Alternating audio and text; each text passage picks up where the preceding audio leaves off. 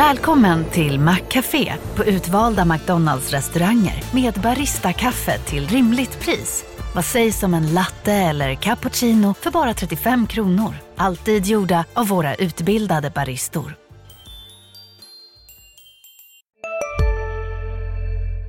Du lyssnar på Krim och det här är ett extra insatt avsnitt med anledning av det första skjutvapenmordet av en Södertäljebo för i år. Det handlar om en 30-årig man som har skjutits till döds i sin lägenhet i Flemingsberg under tisdagsnatten. LTs krimreporter Torbjörn Graström, vad vet vi om honom egentligen?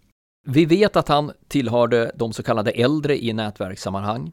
Han var 30 år och eh, vi vet att han var kopplad till det gamla Södertälje-nätverket som fanns innan det blev interna konflikter eller innan det blev fraktionskonflikter som vi kallar det. Eh, vi vet också att han var kopplad till den så kallade Ronna-falangen som just nu ligger i konflikt med den så kallade Saltskogsfalangen.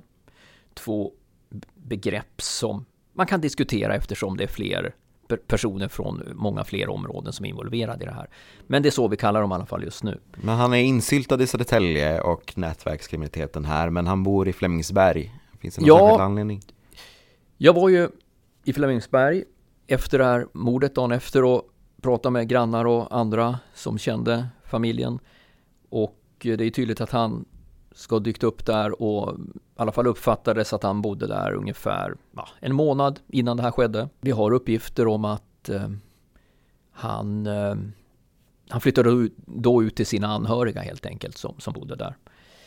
Vi har uppgifter om att eh, han ska ha dragits undan de konflikter som fanns här i Södertälje. Alltså den, de hotbilder som finns i Södertälje i samband med konflikten och där är han långt ifrån ensam eftersom väldigt många andra så kallade äldre i den här miljön har gjort samma sak. De som inte sitter inspärrade, många av dem har lämnat stan.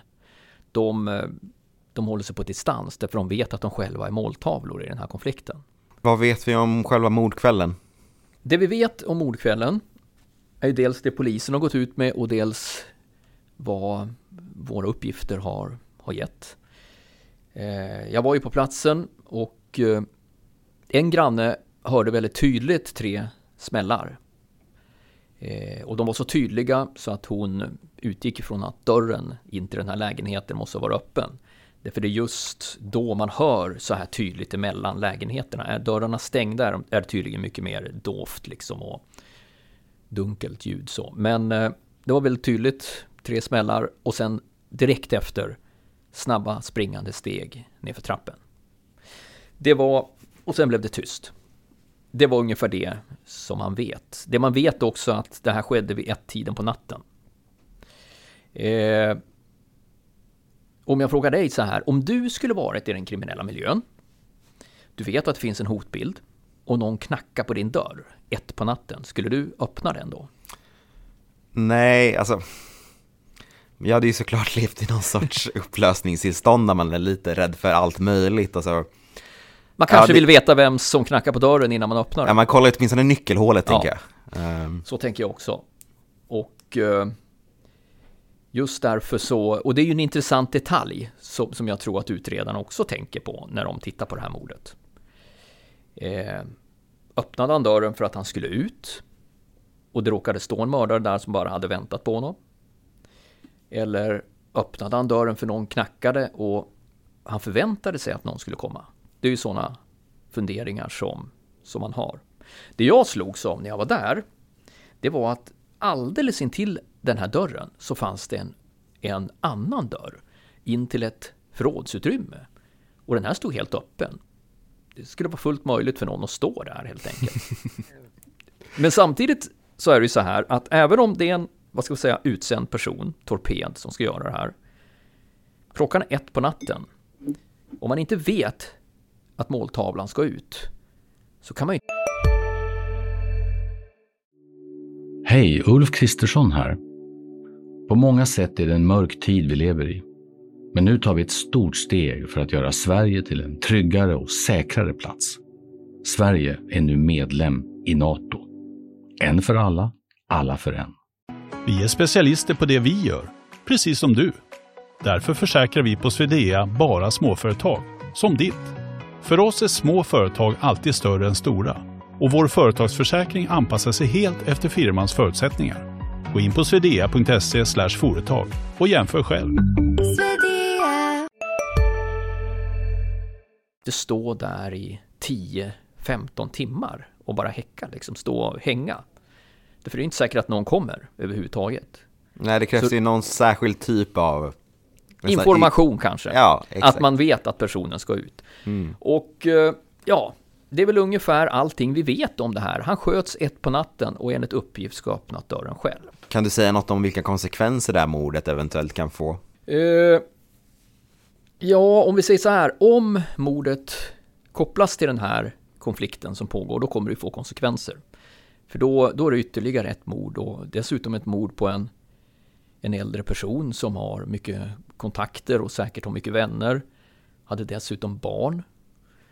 Eh, och eh, då kan vi nog utgå ifrån att den här tragiska konflikten eskalerar igen och att det kommer hända någonting.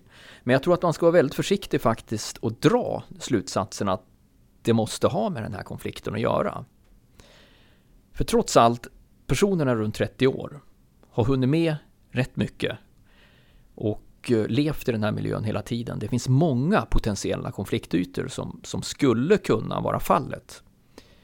Vi vet att han 2020, oktober 2020, det var nog, jag tror att det var natten mot den 17 oktober 2020, kom in till sjukhuset med en skottskadad arm. Kort tid efter så sköts en person ihjäl i Hovsjö.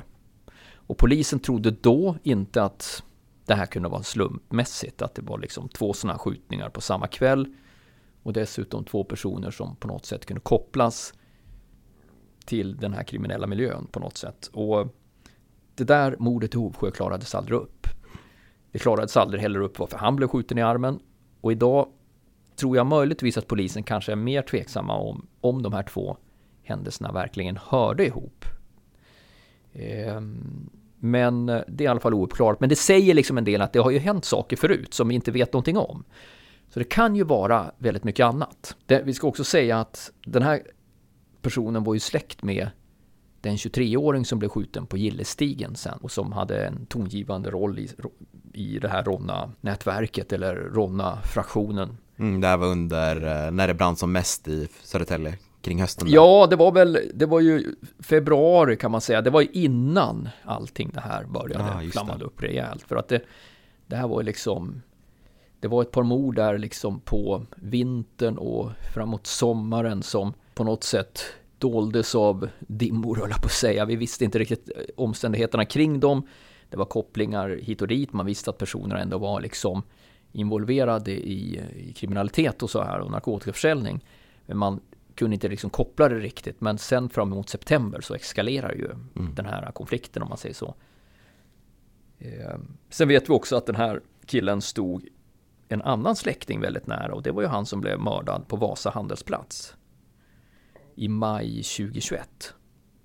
En krögare, 39 år. Så helt enkelt så har han en historia.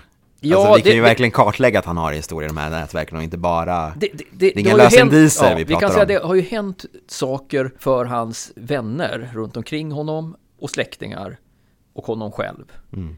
Och allt det här hänger ju inte ihop med den här konflikten mellan Ronna och Saltskog. Så därför så bör man ju vara lite återhållsam innan Mm. man drar slutsatser. Det kan faktiskt vara vad som helst. Och med, den, med de orden tänker jag att vi kanske avrundar för det här extrainsatta avsnittet. Ehm, vi kommer ju såklart fortsätta nysta i både det här och i resten av gängkonflikten på Länstidningen. Jag heter Ricardo Burrows, jag är reporter på LT och jag har som vanligt suttit här med Torbjörn Granström, LTs krimexpert. Tack för att du har lyssnat. Hej, Synoptik här. Hos oss får du hjälp med att ta hand om din ögonhälsa. Med vår synundersökning kan vi upptäcka både synförändringar och tecken på vanliga ögonsjukdomar. Boka tid på synoptik.se. Big Mac har miljarder fans över hela världen. Under mer än 50 år har den skapat popkulturell historia. En legend med 100% nötkött och den mytomspunna såsen. Nu finns Big Mac för bara 39 kronor på McDonalds.